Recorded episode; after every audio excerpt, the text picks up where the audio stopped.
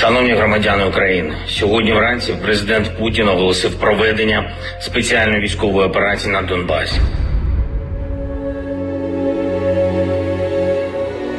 24. februāris. Gads kopš kara Ukrainā.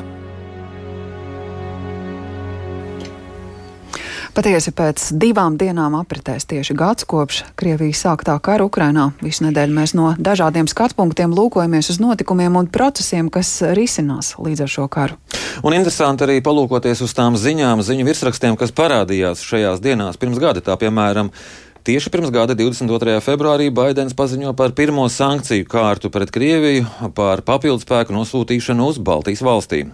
Jā, un savukārt nākamajā dienā, tas ir diena pirms kara sākuma, Latvija Ukrainā nogādā pretgaisa aizsardzības raķešu sistēmas Stinger, un tieši šīs piegādes, kā zinoši Ukraiņi, ļoti palīdzēja kara pirmajās dienās.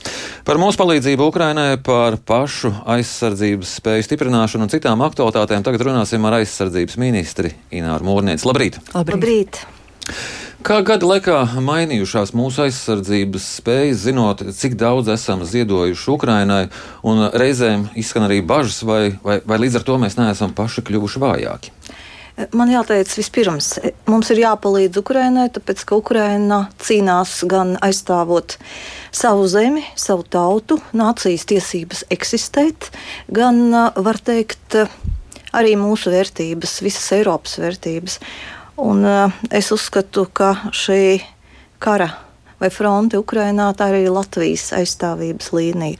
Šobrīd Krievija ir iestigusi karā ar Ukrainu. Tas nozīmē, ka arī Krievijas militārie resursi tiek tērēti un ļoti jūtami tērēti. Eh, mainījies arī pasaulē valdošais noskaņojums. Ir šobrīd pasaule atvērusi acis un ļoti skaidri redz, kas ir Krievija. Imperial, imperialistiska valsts, kas tīko iegūt ar vien jaunas teritorijas, uz, kur, uz kurām tai nav nekādu tiesību. Agresīva valsts, kas veic kara noziegumus, bičas, bučas un irpiņas notikumi.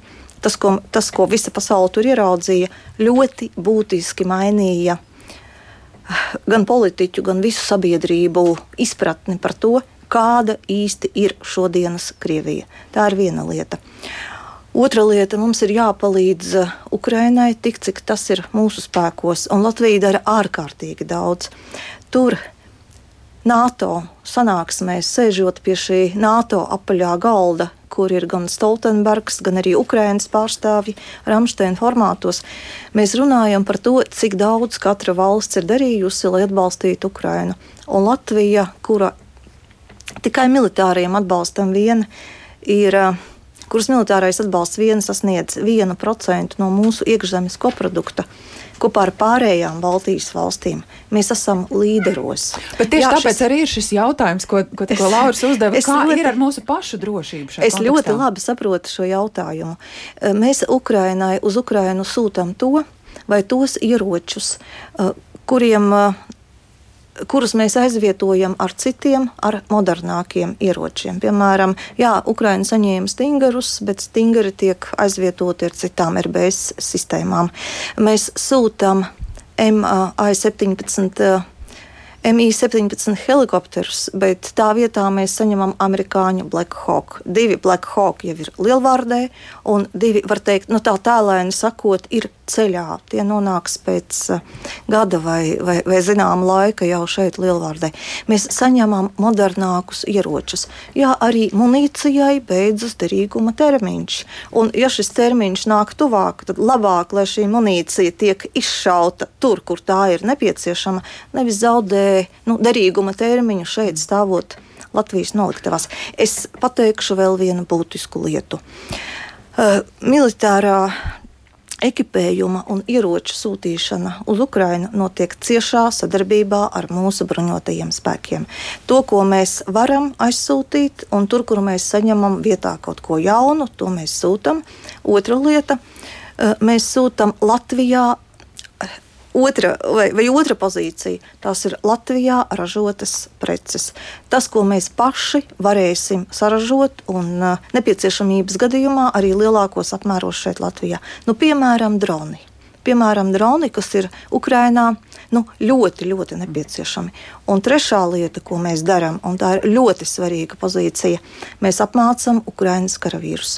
Varbūt vislabākie, vismodernākie ieroči, bet ar tiem ir jāprot apieties. Un, ja to neprot, šie ieroči vienkārši tiek sabojāti, tiek padarīti par nelietojamiem. Tātad arī mēs... šogad mums būs iespēja revidēt mūsu armijas bruņoto spēku krājumā esošo munīciju, ieročus, tādējādi palīdzot Ukrainai un saprast, ka mēs saņemam atjaunotus krājumus.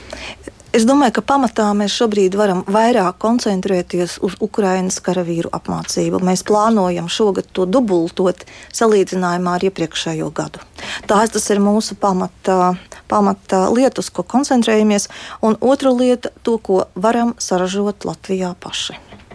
Ja kara beigas vēl nav redzamas, ko un cik daudz tagad, tuvākajā laikā, vēl ir iecerēts piešķirt Ukraiņai? Uh, ir jaunas idejas. Mēs esam šobrīd sadarbībā un tās apspriežam ar Ukrāņu pusi. Es teikšu, ka tās būs lietas, kas būs ražotas Latvijā, bet Ukrāņiem vēl ir jāpasaka konkrēti, vai tas viņiem der, un ja viņi šīs lietas vēlētos, vai šo ekipējumu vēlētos, tad kādai specifikācijai ir jābūt. Pagaidām par to detalizētāk nerunāšu, jo nu, zināmā mērā tas, tam ir ierobežots pieejamības status. Bet jā, notiek šīs sarunas ar Ukraiņu pusi. Darbs turpinās. Neatslāpstoši un ļoti intensīvi. Nu, saprotot, ka šobrīd gan mūsu, gan, gan plašāk skatoties, patiesībā arī Eiropas drošība ir cieši saistīta ar to, kas notiek Ukrainā, un tās nav dalāmas lietas. Tik un tā mazliet gribas atgriezties pie mūsu pašu drošības jautājumiem un jau minētā Bukarestas devītnieka sanāksmes, kas šodien būs. Kas ir tās atziņas, tās svarīgākās vēstis, ko Latvija cer sagaidīt no šīs tikšanās? Bija tik tikko, kā aizvadītās nedēļas nogalē notika tā sauktais Rāmsteins formāts. Tas nozīmē NATO dalību valstis, plus demokrātiskās valstis, plus Ukraina. Kopā ar NATO ģenerālsekretāru Stoltenbergu mēs runājām par nākamajiem soļiem, kas ir nepieciešams. Arī Mīnhenes drošības konferencē galvenais uzsvars bija atbalsts Ukrainai. Tas nozīmē, ka rietumu valstu pozīcija tiek nu, notiek darbs, lai tā būtu vienota, lai viena valsts, kas ir solījusi konkrētus ieročus, tos arī nogādātu.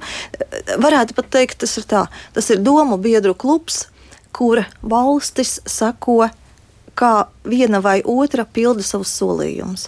Nu, arī šāds sadarbības formāts ir gan labs, gan nepieciešams. Un, nu, redziet, starptautiski ir tā, ja viena valsts kaut ko ir teikusi, tad arī nākamajām valstīm ir nu, vieglāk sekot. Vienmēr ir tā, ka kāds iet pa priekšu un kāds šajā jomā seko. Bet uh, arī Minhenē raisījās diskusijas par to, kādai ir jāizskatās Ukrainas uzvarai. Un domāju, ka arī mūsu valsts prezidents Egils Levits, kurš ļoti aktīvi ir virzījis starptautiskā tribunāla ideju, ir saklausīts Minhenē, un uh, man nav šaubu par to, ka viņš ir saklausīts arī Bukarestē. Bet tas nozīmētu, lai šo starptautisko tribunālu varētu īstenot, un zinu, ka arī Ukraina ļoti aktīvi virza šo ideju, tas nozīmē okupēto teritoriju atgūšana Eh, starptautiskais krimināls, kara noziedznieku tiesāšana, un šeit ir mehānismi un iestrādes, ko piedāvā Latvija. Reparācijas Krievijai, kas nepieciešamas Ukrainas atjaunošanai, un visbeidzot, gan Ukrainas atjaunošana, gan uh, iedzīvotāju rehabilitācija. Tie ir konkrēti soļi, kādai mūsu izpratnē ir jāizskatās Ukrainas uzvarai.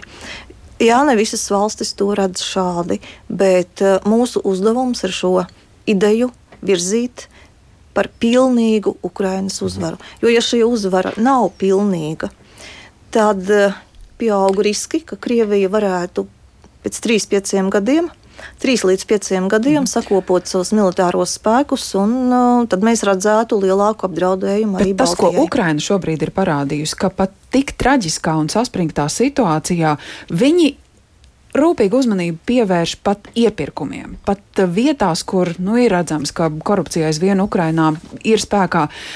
Kā ir ar mūsu militārās jomas iepirkumiem? Mēs zinām, ka tam tiek atvēlēta liela nauda un ka šobrīd izskan tās bažas, kā sabiedrība vispār var uzticēties tam, kas uh, netiek publiski informēts, bet izrādās nav arī līdz galam godīgi īstenots. Un teikšu tā vēl sabiedrībā bija izpratne, sākoties karam, ka vajag aizsardzības sfērai atvēlēt naudu, bet tagad, kad rodas aizdoms, ka šī nauda netiek godprātīgi izvēr, iztērēta, kā tagad ar šo tikt? Nu, man jāteic, situācija ir nepatīkama. Esmu saņēmusi diezgan nepatīkamu mantojumu no iepriekšējā ministra.